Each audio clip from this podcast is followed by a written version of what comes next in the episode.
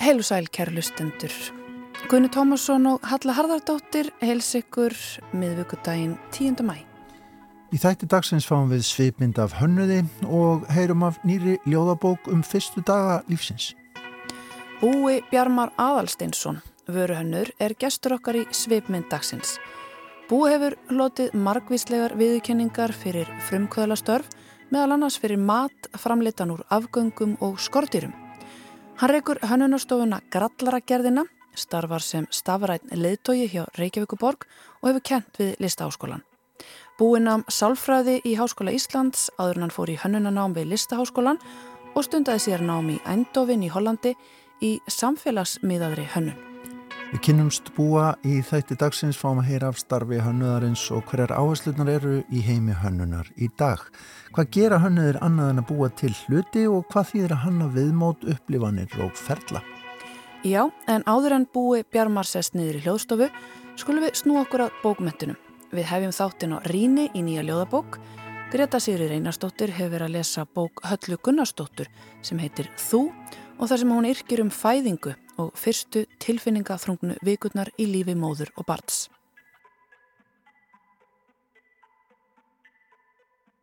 Fæðingar eru ein almennasta lífsreynsla sem til er. Hvernig sem litið er á málið þá fættust við öll einhver tíman. Við munum þó fæst eftir okkar eigin fæðingu en margir fá annað tækifæri til að verða vittni að einni slíkri setna á æfinni. Fólk sem fætt hefur börn eða verið viðstatt fæðingu deilir sögunum gerðnan þegar þau fættu spyrja um sína tilurð eða þegar innvíja á nýja foreldra í samfélagið. Sögur af fæðingum verða því munnmæla sögur, sjálfnast skráðar niður en endur teknar aftur og aftur þanga til minningin slípast til eins og fjörugrjót. Það er áhugavert að skoða hvernig hægt er að festa slíka upplifun á blað. Halla Gunnarsdóttir hefur starfað lengi við bladamennsku og dagskrárgerð. Hún hefur gefið út tvær ljóðabækur, rítað æfisögu og fræðibókina Slæðusviftingar, en þó nokkur ár eru síðan hún gaf síðast út bók. Hennar nýjasta verk er ljóðabókin Þú, kvítt hver með stílhrautni og innfaldri kápu. Ljóðinni þú fjalla öll um sama efnið, fæðingu og fyrstu vikur eftir barnsbyrð. Bókin skiptist í 46 ljóð sem hvert um sig ber stakt orð sem titil. Saman mynda þau samhangandi frásögn af reynslu ljóðmælanda af því að búa sig undir fæðingu, fæðingunni sjálfri og fyrstu vikunum heima með kvítvóðungin. Tittlarnir eru flestir lýsandi fyrir innihald ljóðana. Til að mynda fjallar ljóðið vakt um að ný ljósmóðir sé að mæta á vakt. Stuttu setna er ljóðið plan sem fjallar um áallanir hinnar verðandi móður fyrir atburðin og hvernig þær fara fyrir lítið þegar stundin rennur upp. Flest ljóðana draga upp einfalda mynd af atviki í fæðingu eða ástandi á meðan á henni stóð. Ekki er miklu myndmáli fyrir að fara í bókinni en hinn líkamlegu átök fæðingarinnar eru einna oftast borin saman við náttúruhamfarir. Móður og barn er líkt við fyrirbæri og dýr úr viltri náttúru, hinn fæðandi kona er stibla sem brestur eða fjall og legvatnið er örskriðan. Hún er óstyrk eins og kálfur og barnið er arnarungi.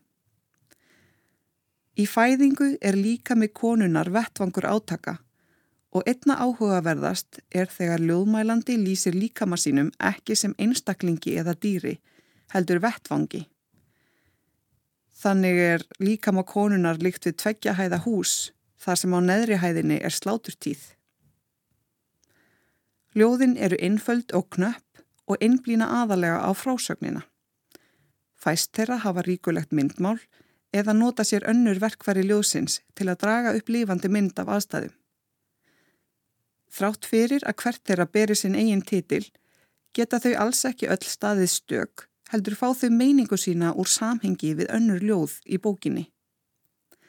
Einna helst má segja að endurtekningin á stökum orðum sé nýtt til þess að koma merkingu til skila.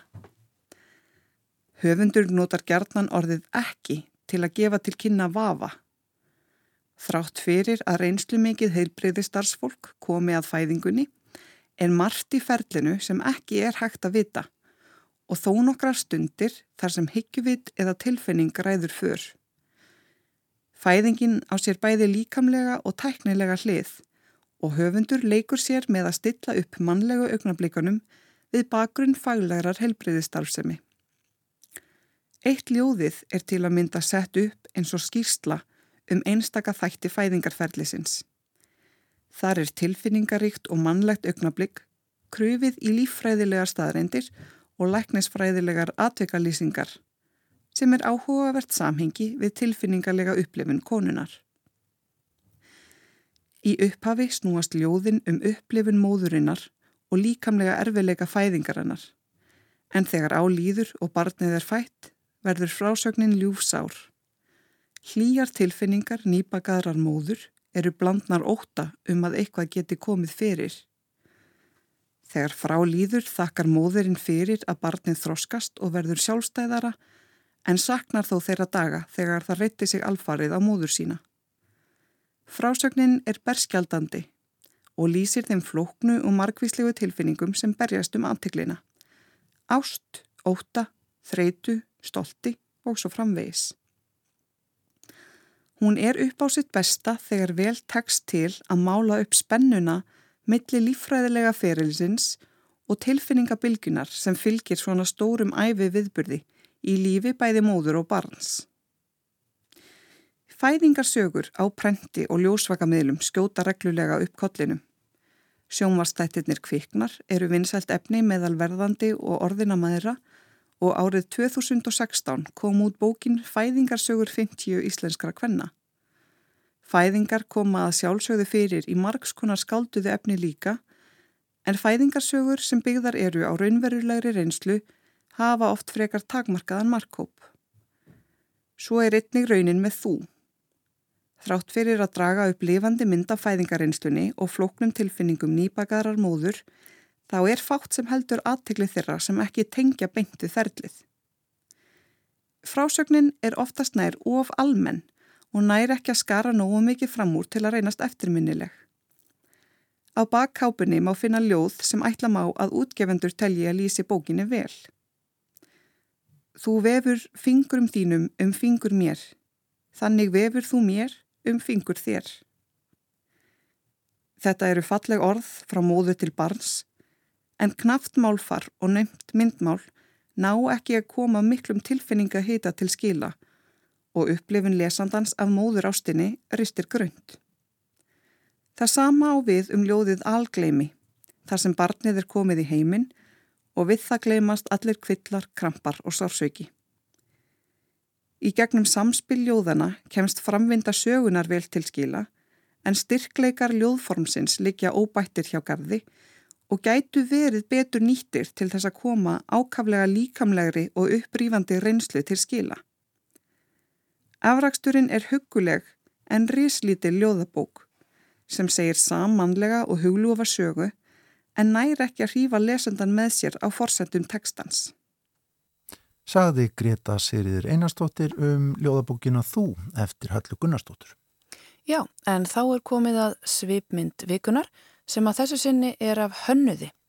Búi Bjarmar Aðalstinsson, vöru hönnur, hefur lotið margvíslegar viðkenningar fyrir frumkvælastörf meðal annars fyrir mat, framleitanar afgöngum og skortirum. Hann reykur hönnunastofuna Grallaragerðina, starfar sem stafrætt leðtogi hjá Reykjavíkuborg og hefur kent við listaháskólan. Hann nam Sálfræði Háskóli Íslands aður hann að fór í hönnunanám og er til dæla nýkomin úr mastersnámi í Eindhoven í Hollandi þar sem hann nam samfélagsmiðaða hönnun. Við ætlum að kynast búa betur, hann er sestur hér niður í hljóðstofu og setur fyrsta lagið á fónin. All I can ever be to you is the darkness that we know and this regret I got accustomed to. Once was the ride when we were at our height, waiting for you in the hotel at night. I knew I had him at my match, but every moment we get snatched. I don't know why I got so attached. It's my responsibility and You don't own nothing to me but to walk away. I have no capacity. He walks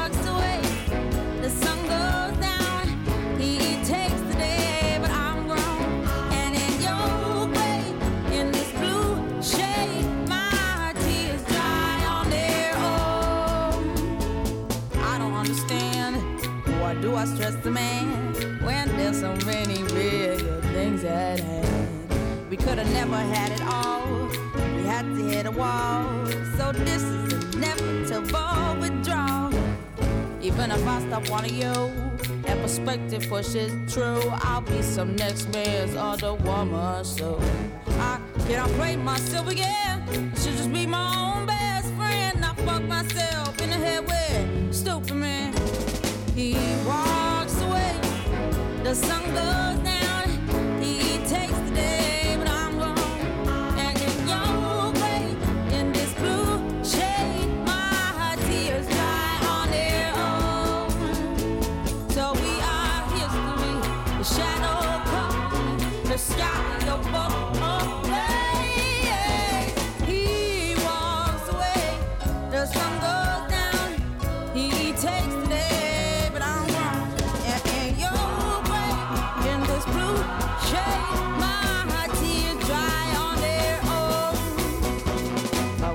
could say no regrets and no emotional day. Cause as we kiss goodbye, the sun sets. So we are history. The shadow covers me. The sky above the blaze, lonely lovers see. He walks away. The sun goes down. He takes the day. Hinn eina sanna, Amy Winehouse, búi Bjarmar Aðalstinsson. Hönnuður, verður velkomin til okkar í Sveipmyndi Vísjá. Takk fyrir það, kjærlega. Akkur er þetta lag? Um, ég held að svona Amy er held ég fyrsta fræga manneskjan það sem ég svona uh, vöknaði um augun þegar ég heyrði af andlátunar. Já, af þessum lögum sem ég var að velja í dag þá held ég að þetta sé svona uh, sér, nær til mín reyfir eitthvað innra við mér röddinn hennar, nær mér alltaf sko.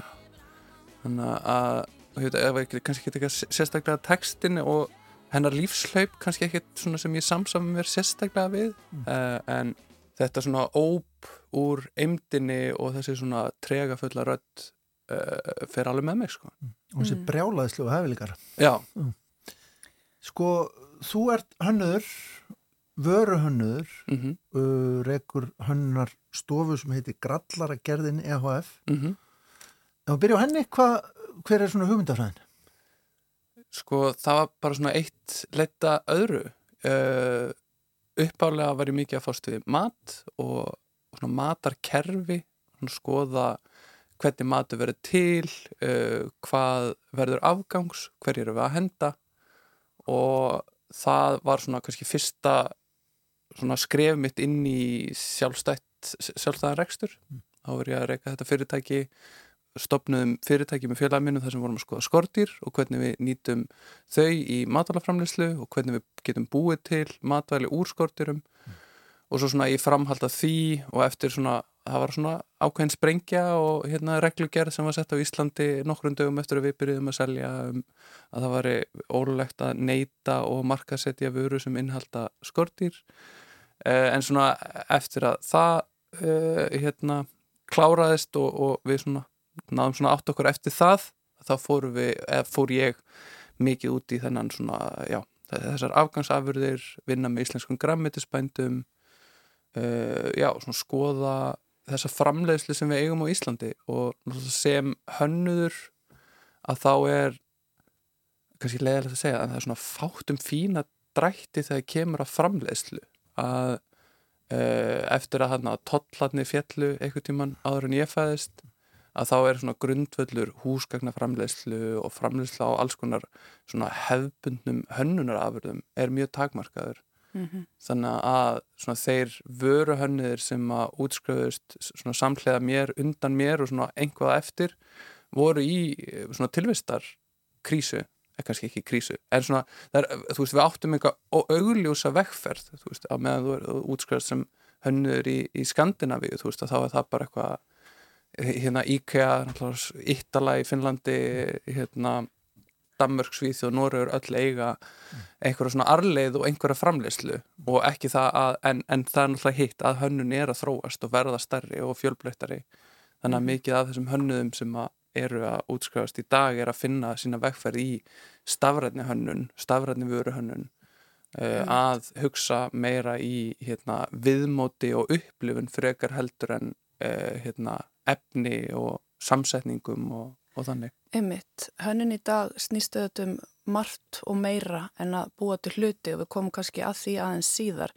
En auðvitað eru tækifærin fleiri utan landsteinana en þegar þú og þínu félagar farið þessa vekkferð þarna skömmu eftir útskrift að búa til mat úr skortirum, þá vakti það mitt mjög mikla aðtekli, krápar, prótein, stangir Mm -hmm. sem að koma markað og já, vöktu mikla aðtekli, þið fengu vellaun og fullt af styrkjum en svo bara fellir þetta um sjálft sig vegna reglugerða. Það Mhm. lítur að vera þetta aldrei svona áfall. Verður meila að spyrja fyrir hlustendur, var, var reglugerðin sett eitthvað til höfus bara? Sko, þetta var innlegging á Evrópureglugerð, þannig að ég efast nú að Evrópusambandið sé á mót okkur, en hérna... Það væri rosalegt. En, sko, en hitt með sko innleðinguna á reglugjörunni hérna á Íslandi að það var nú eitthvað svona, það er eitthvað svona samsæris fnikur af því og tímasetninguna því öllu saman. Og var náttúrulega mikill skellur og, og þú veist fyrir, þú veist við vorum fyrst og fremst svona tveir, tveir og hálfur í þessu verkefni og það er eitthvað að fara að ráðast í einhverjar lögfræði aðgerðir og skoða eitt og annað og bara, þú veist, að he- he- heia strífið ofnbæra stofnanir sem að spiluð okkur daldi sem svona, svona strákpjakka sem vissi ekki alveg hvað þið voru að gera og, og glemt að spyrja, en þú sem var bara ekki í sannleikanu samkvæmt, þú veist, við vorum búin að reyna að fá svörin og, þú veist, og að því að þessi reglugjör var ekki komin í gildi ásamt því að þessi reglugerð er tólkunar atrið, þú veist bara eins og all lög og reglur, að þú veist þessi sama reglugerð gildi bæði á Íslandi og í Holland og Belgíu en að einhverjum ástæðum máttu Hollandingur og Belgar selja afrið með skortirum ekki við, þetta er nú ekki alltaf svona, svona svartkvitt uh, og f- svona við fyrsti sín sko. En, en það var svona hvað segja leiðilegt fyrir uh, Ísland allt ekkert svo ræðilegt fyrir mig sko.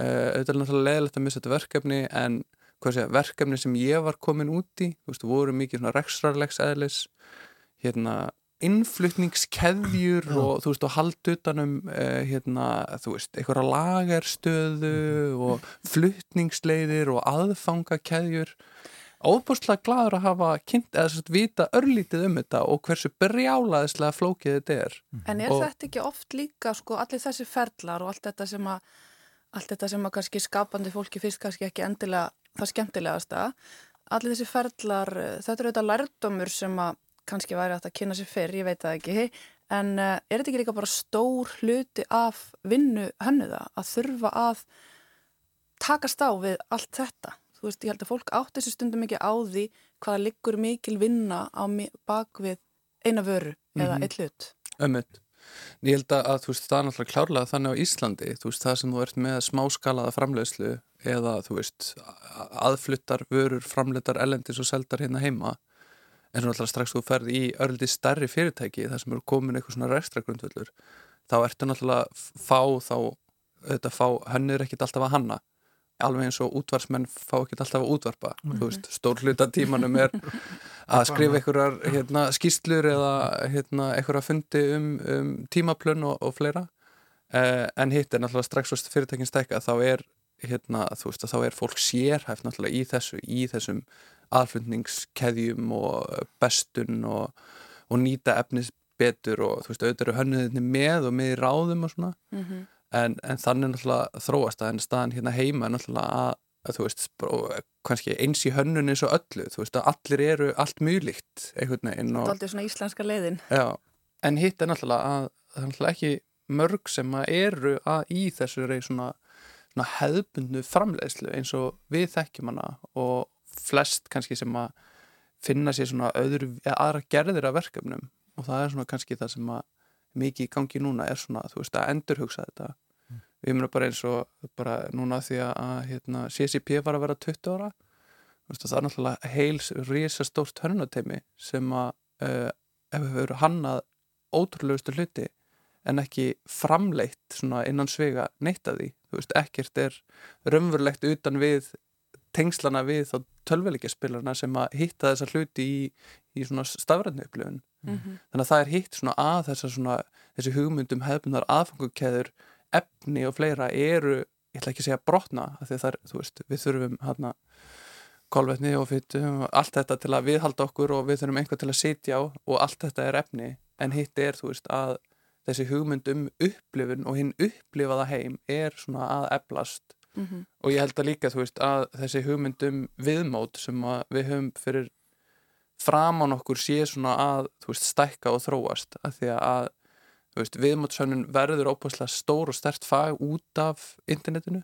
Veist, þá er farið að hugsa um, veist, Amazon veist, hvernig getur við akkur er svona óheirilega óþægilegt að opna tölupósta frá Amazon, hvernig geta þér þekkt mér svona vel, hvernig vita þér að ég vil lesa þessa bók og allt það?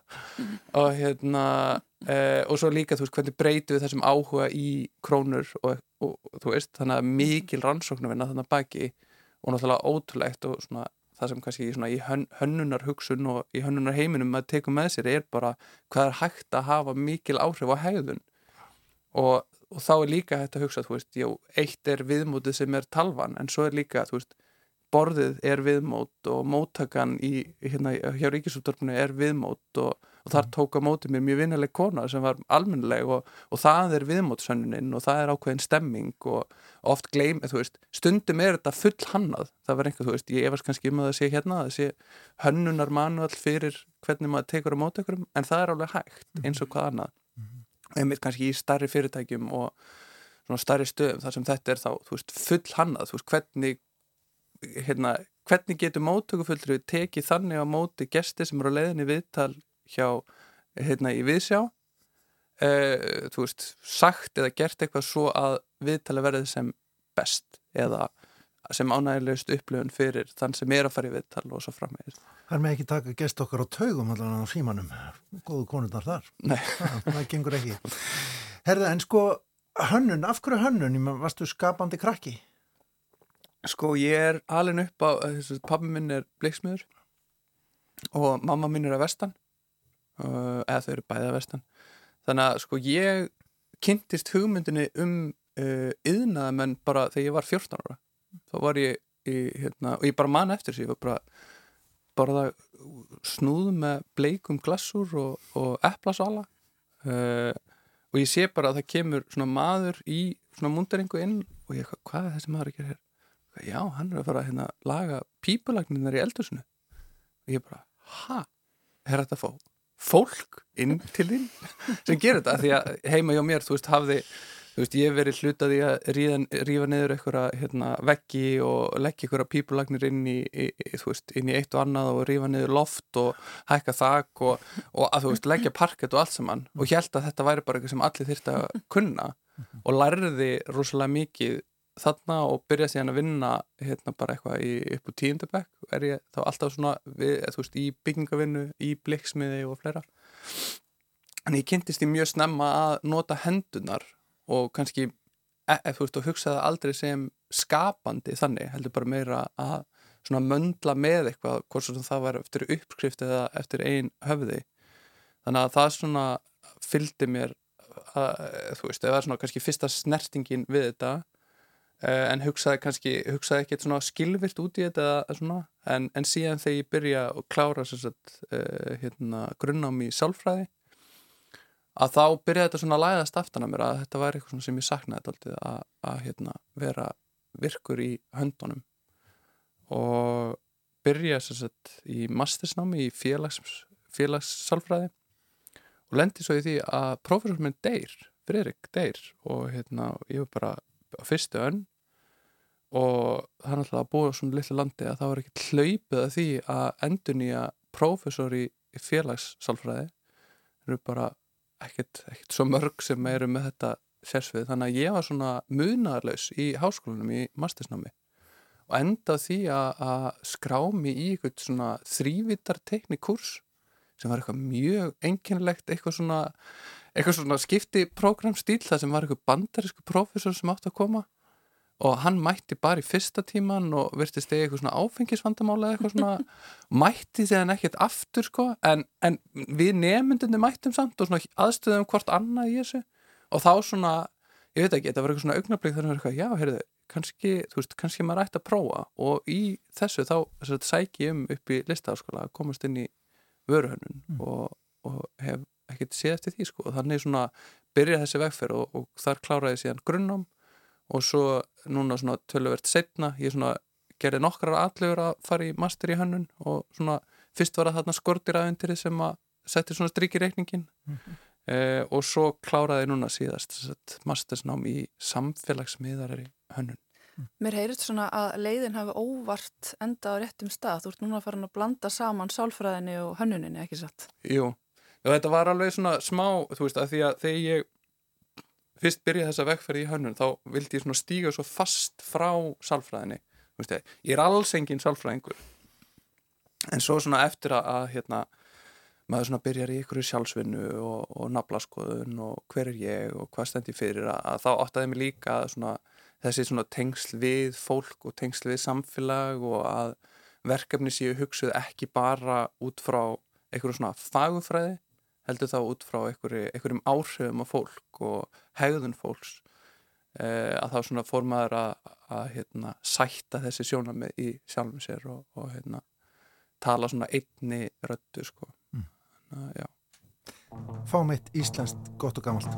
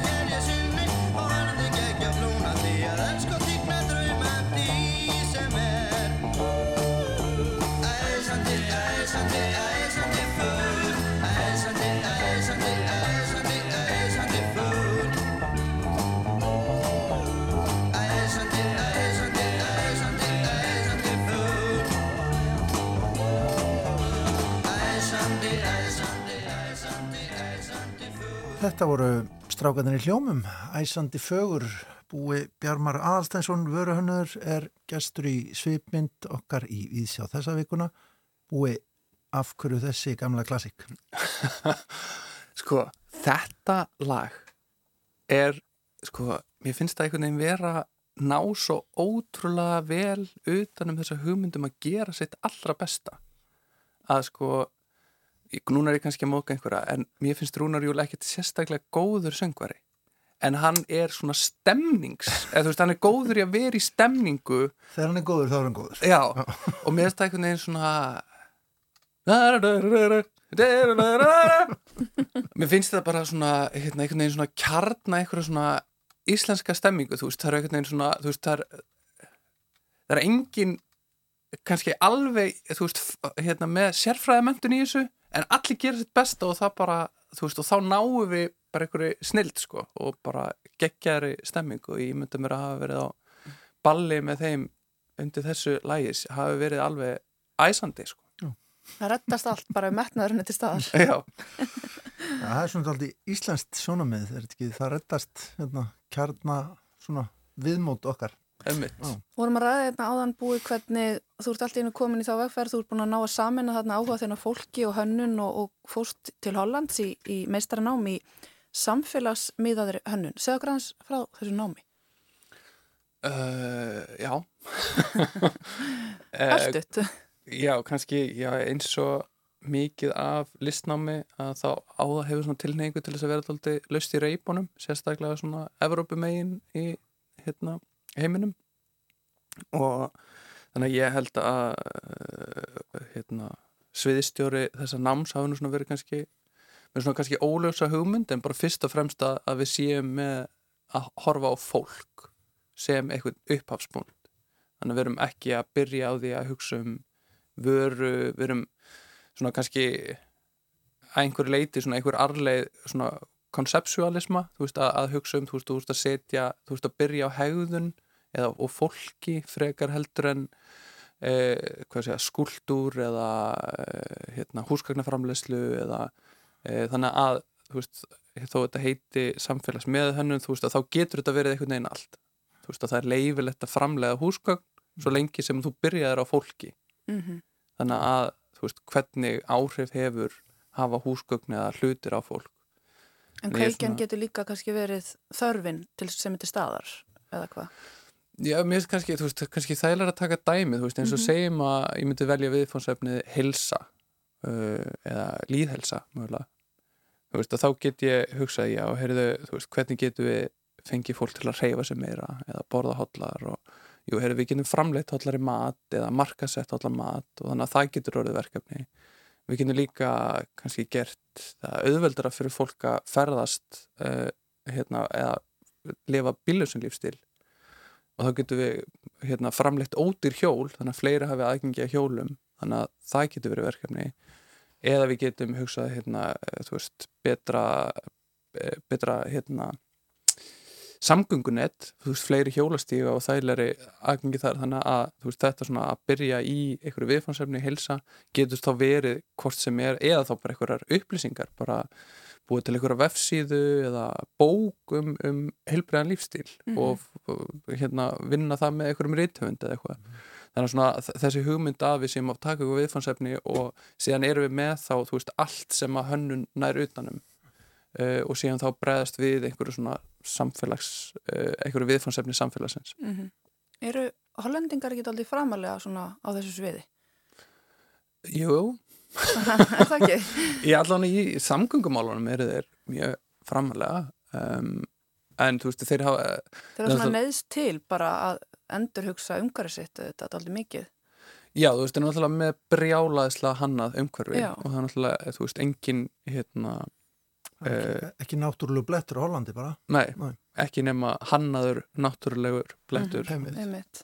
sem er náttúrulega enginlega upplifun líka komið þess að hönnuðu skó, skóa og hönnuðu hérna, hönnuðu uh, Verald bara. já Uh, en, en já, en þeir, það er náttúrulega langt síðan að þeir stigu þessi svona mjög fasti jarðar í hjóla uh, hérna hjólamálum og samgöngumálum en svo var málið svona benda, þú veist að þeir hafa ekki treyfst mikið, ég man ekki, ég held að eitthvað 20, 30, milli 20-30% samgangna í Hollandi er á hjóli. En það hefur samt ekki breyst neitt svakalega mikið frá, ég man ekki, 80 eitthvað. Mm. þannig að svona, uh, þú veist, þeir gera margt vel og, og þeir leggja mikið upp úr hönnun uh, en já, kannski að segja að þeir séu svona framar en aðrir, þú veist, það svona, held ég fyrir bara alltaf eftir hvaða svona viðfansefni þú ert að skoða og miða við og Mhm. Uh, Líka, líka íhaldsamt samfélag mörguleiti. Já, all, þú veist, ég var hann úti í COVID og þeir skiptu hressilega upp bak í þeim málaflokki Mhm. og svona eitthvað svona önnur eitthvað svona hlið á Hollandi sem var á, áhugavert að kynnast sem er þetta svona sterka svona, svona sterk sjálfsvitund og svona að halda, þú veist, að, að svona réttinda baróta og svona personufrelsinsins svona að fá að velja að gera ekki rétt. Já. uh, og, og bara enda þarna í miklum lögsóknum sem var til þess að að ríkistjónin, já, laði til eitthvað hvert sveitafélag eða eitthvað svona hvert hérna uh, hvað segja, hver eining hver eining myndi halda utan um eigin reglur þannig að var svona, já, að þetta var einhvern veginn allt í upplausn og fólk sem átti ekki lögheimil í landinu hafði ekki aðgöngu að fá próf. Þannig eins og skóli minn loka ekki fyrir en seinta um síður af því að það bróðupartan á nefndum skólans eru ekki þá með lögheimili í Hollandi. Þannig að allir voru veikir en enginn gætt komist í COVID-próf. Mm. og skólinn bara sagði þú veist að það er ekkert staðfest smít í þessum skóla. Þannig að svona, já, það er svona margt sem að maður svona sá, hvað segja svona, svona, Svona bresti. Já, svona, svona bresti í, í, hérna, í þessu, undir þessum aðstæðum. Gerði En svona hann- ferla sem að stundu virka einfaldar í Íslandi ansi flókna þar, já, uh, já. Og bara kannski gaman að þú veist, vera að hluta til þarna og svo fylgjast með á Íslandi og sjá svona eitthvað samabörð um þú veist, eitthvað viðbröð samfélags og hvernig fólk bregst við og, og síðan, já. Mm en, Nú sé hérna, þú, þú, þú er unnið til dæmis að svona verkefni minnan fangelsa hér á landi og beitt hönnun þar. Hefur verið að vinna með UNICEF og ég menna þá spyr maður sig sko hefur þú trú á því að að öll þessi rosalegu svona, allar þessar áskoranir sem við stöndum framfyrir að það sé hægt að, hönnun sé einhvern veginn líkilaði að reyna að íta þessu öllu til og, og færa til betri vegar? Mitt núna kemur þú svona Li, litlu spurningarnar hérna mm -hmm. sko, þetta er svona spurning um sko, hvort þú vilt fá alvöru svarið eða söluræðina af því að alvöru svarið bara. Við viljum alvöru svar í þessum þætti. Uh, nei, uh, kannski líka þú veist, hönnun hefur náttúrulega verið í ákveðinu svona hvað sé, hérna í baróttu, þú veist, við hefum verið að berjast lengi fyrir því að fá sæti við borðið. Þú veist, og sæti við borðið það sem að innan svega alvöru ákvarðanir eru teknar. Mhm. og fá að vera með fyrr í ferlinu það er að segja að hönnuður sé ekki kallar á borðinu þegar þarf að gefa út stefni um hérna, ferðamál á Íslandi heldur sé dregin að borðinu þegar e, e, stefnumótunin á sér stað. Uh, ég held að hönnun sé ekki töfralaust uh, ég held að hönnuðir séu alveg jafn breyskir og eigi erfitt með áfengi og erfitt að vakna mótnana eins og öll hinn í þessu samfélagi. Uh, en, uh, en hitt er að ég held að hönnun eh, hafi klárlega margt fram á að færa sem að önnur fög ger ekki. Og stundum er sniðut að hlusta á hönniði sérstaklega þegar kemur að viðmóti og að hugsa eh, hugsa um hegðun þú veist, maður sér það bara ekki, bara því við erum að tala um ferða manna yðnaðin, þú veist, að hugsa maður eins og hérna reynisfjara, þú veist, það sem að þú veist, þetta, þú veist, verkefni í rauninni er að miðla hættu. Þú veist, og vegagerinn virðist hafa sé þann eina möguleika bara fjölga alltaf skilt, skiltum í hvert skipti sem að einhver kemst í háska eða deyr. Þannig að þarna sér maður svona klárlega að, að þessi tækifæri til þess að bregðast öðruvísi við og endurhugsa þú veist, hvernig miðla maður hættu veist, jú, skildi geta gert einhvað en þau verðast ekki vera nóg í þessu tilviki. Þannig að þarna segir maður klárlega að það væri svona tækifæri til þess að fá hönnuð á borinu og ge, það geti vel verið að hann hafi verið dregin að borinu og hérna ég ætla ekki að gera lítið úr því. En, en hérna en svona fleiri svipu dæmi það sem maður er, þú veist, einhver við viljum passa upp á fólk eða benda fólki eða þú veist, hvernig maður finnur bráðamótökun á Íslandi eða svona þessi hlutir. Þú veist, og þarna ertu með fagfólk sem að kann þetta, það veit hvernig það á að hanna umhverju svo að fólk sé fljótt að finna eitthvað. Þú veist, þú getur einmitt forgangsraðað þá svona ákveðnum eigindum sem er, þú veist, fljótur að finna eða einhvað sé farsælt, eða einhvað sé fallegt eða einhvað gefi upplöfun um að vera uh, hérna, ríkmannlegt eða rörlegt eða hvað svo sem maður vill gera, sko. Mm Segð okkur aðeins frá hérna verkefninu heima sem þú gerðir með UNICEF. mm Já, sko allan svona komendu úr þessu svona matar umhverfi að þá er maður, þú veist, kannski fyrst að breyta svona, beita mikið kerfishugsun, að hugsa, ok, hvernig verður eitthvað til, hvað gerum við við það og hvernig verður það að eitthvað öðru og í rauninni því ég byrja þess að fyrst hérna, byrja í fangelsunum að þá er hugmyndin mín svo að veist, hvað ef við notum þetta kerfi um veist, svona hefðbundna framleiðslu og beitum því á einhvað svona samfélagsmálefni eins og uh, vinnustofur fanga í litlarhraunni og þá í staðin fyrir að útkoman eða afurðnar séu hérna grammetissúpa eða rauðrófa eða hvað svo sem það er þá séu afurðnar um, hamingja eða uh, hérna einhver þekking eða færni. Þannig að við förum að hanna framlegsluferli þar sem að í rauninni fysiska afurðin er hliðarafurð. Við leggjum langmest áherslu á að þú veist og eins og veist pælingin, markmið fangilsu í Íslandi er að bæta fólk svo að það geti komið stíð aftur út í samfélagið. Þannig að hvernig getur búið til vinnustofu eða framlegsluferli sem að forgangsraðar því veist, hvernig bætur fólk í vinnu án þess að það sé segja, svona hipsum haps. Að bara, já, við skulum gefa þeim einhver verkefni, þeir gera svona svona svona og svo vonandi koma þeir betri út. Og það er að segja, hvernig hönnum við það? Veist, hvernig gerum við verkefni sem að geta sagt, orðið erfiðari eftir því sem þú ert, þú veist, ert að fást við þau. Þegar komið með eitthvað færni þá bætist eitthvað nýtt við. Þannig að við erum svona að, þú veist, já, að svona fást við þetta. Hvernig getum við nota svona segja, hugmyndum hefnda framleyslu en farið að skipta út þessum pörtum, þessum að við erum að taka út eitthvað svona físík og bæta svona við og í rauninni sama er síðan þetta áframhaldandi eða þetta verkefni með UNICEF.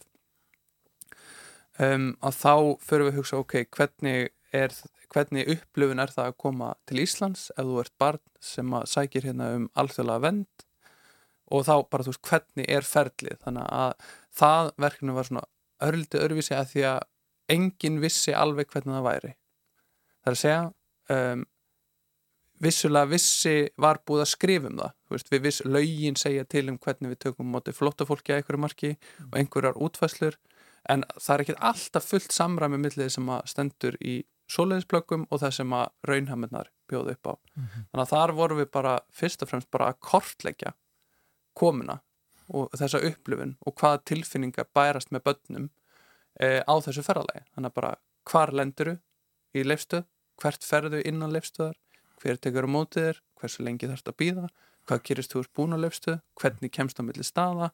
Hver endur þá, oftast upp í Hafnafyrir allan og núna, þar er útlendingastofnun, þar fer í einhverju viðtölu og svona skref til skrefi bara, þú veist, ok, hva, hvernig líta þessi rými út, vorum bara e, með, hérna, tókum ljósmyndir og svo fórum við í svona, hérna, viðfarsmikla svona viðtalssirpu þar sem við hittum börn og fóreldra sem höfðu komið hinga, bæðið að þá fullara fólk sem var börn við komuna og svo eins, hérna, börn og fóreldra sem voru nýlega komin.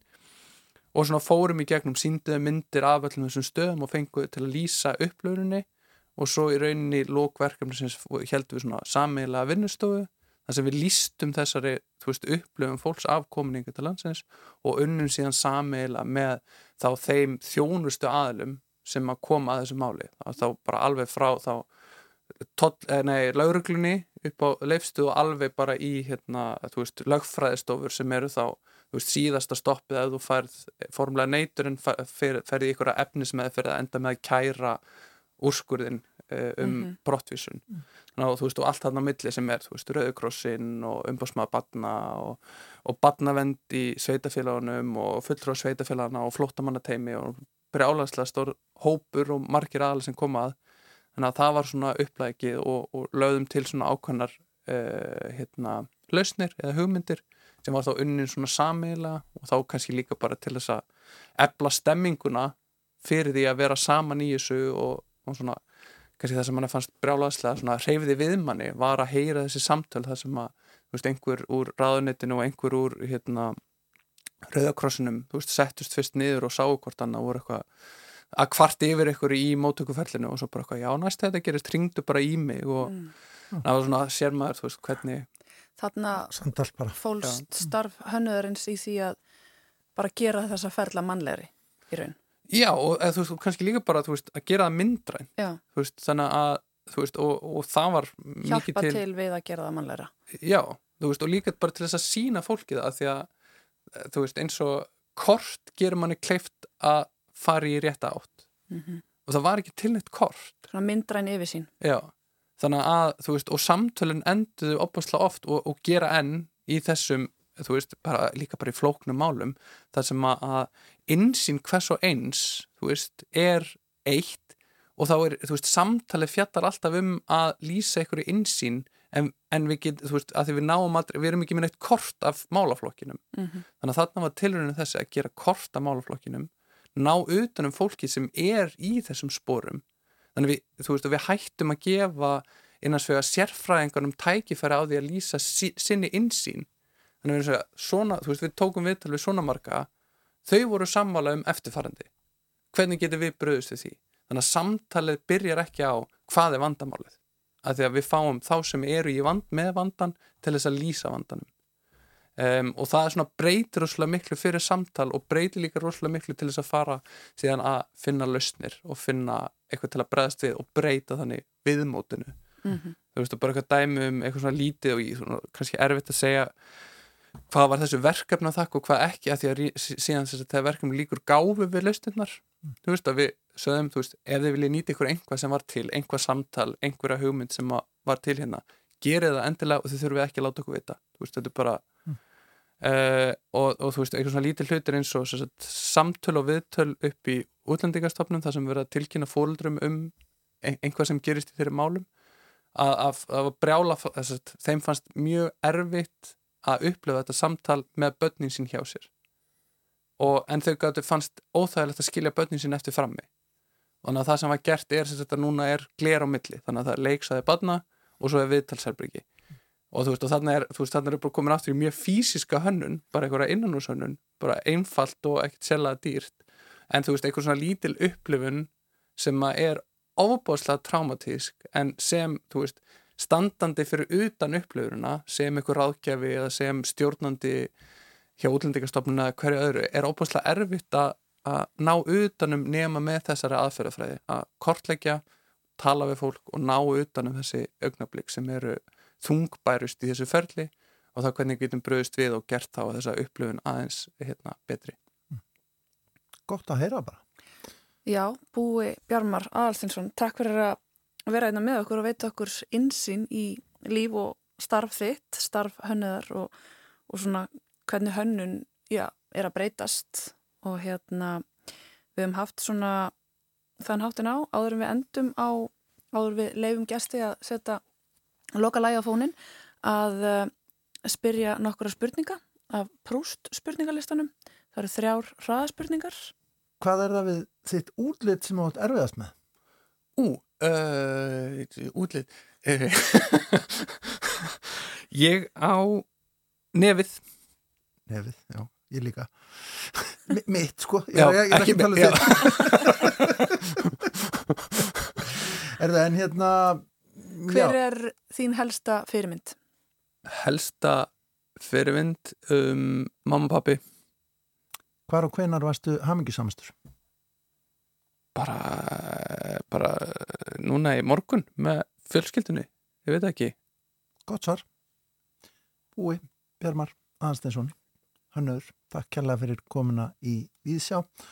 Loka lagið þitt, það er eftir mann sem heitir Kanja Vest, en er, Mhm. er hér sungið af kór. Já, þetta, ég veit ekki, hann fer alveg með mig, sko, bara í, ég veit ekki, ég, eh, kannski hitt sem að við erum ekkert búin að tala um hérna er líka, ég er svona mikið að pæla í svona posthumanisma og svona hvernig tengslum við plöntur og fleira.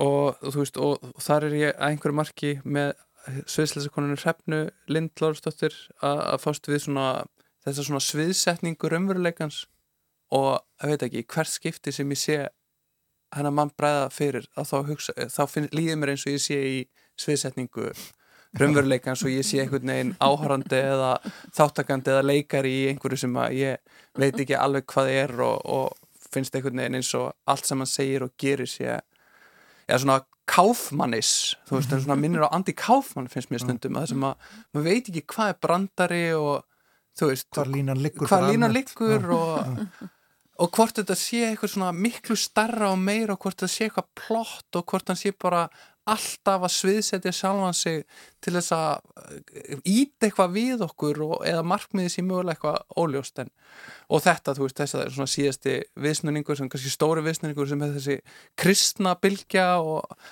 hann hafi breytt jörðinni sinni í einhverja kirkju og sé að hittast þarna alla sunnudaga og heldur utan um einhvern kór sem fór í kórferðalag til Evrópu maður svona Er þetta kórin? Sem, sem Þetta er að- kórin sem að hann heldur utanum og tilherir þessari kirkju sem er hérna í bakarinn hjá hann held ég ég sé ekki að fara með hennar fleipur en svona sagan er einhvern veginn svona cirka svona Já. En lægið er flott, Ultralight Beam, þetta er mjög stórkostlegt. Fallegt og, og þú veist, þú veit ekki kannski líka hristir við þessu svona hip-hop og, og þessu svona urban uh, menningu og kultúr, þú veist, að ítenni, þú veist, og tengslinn við trúna og eitthvað, ég ég, ég bara, maður svona veit ekki hvað, hvað maður að segja en ég er einhvern veginn fegin að þessi til, sko Við skulum bara ekki hafa fleiri orðum það, heldur bara að setja lægið á. Takk Búi Bjarmar Aðalstinsson fyrir að vera með okkur og hér kemur lægið. Og takk fyrir samfélgin í dag og getur lustendur. Takk fyrir mig Já, verið sæl.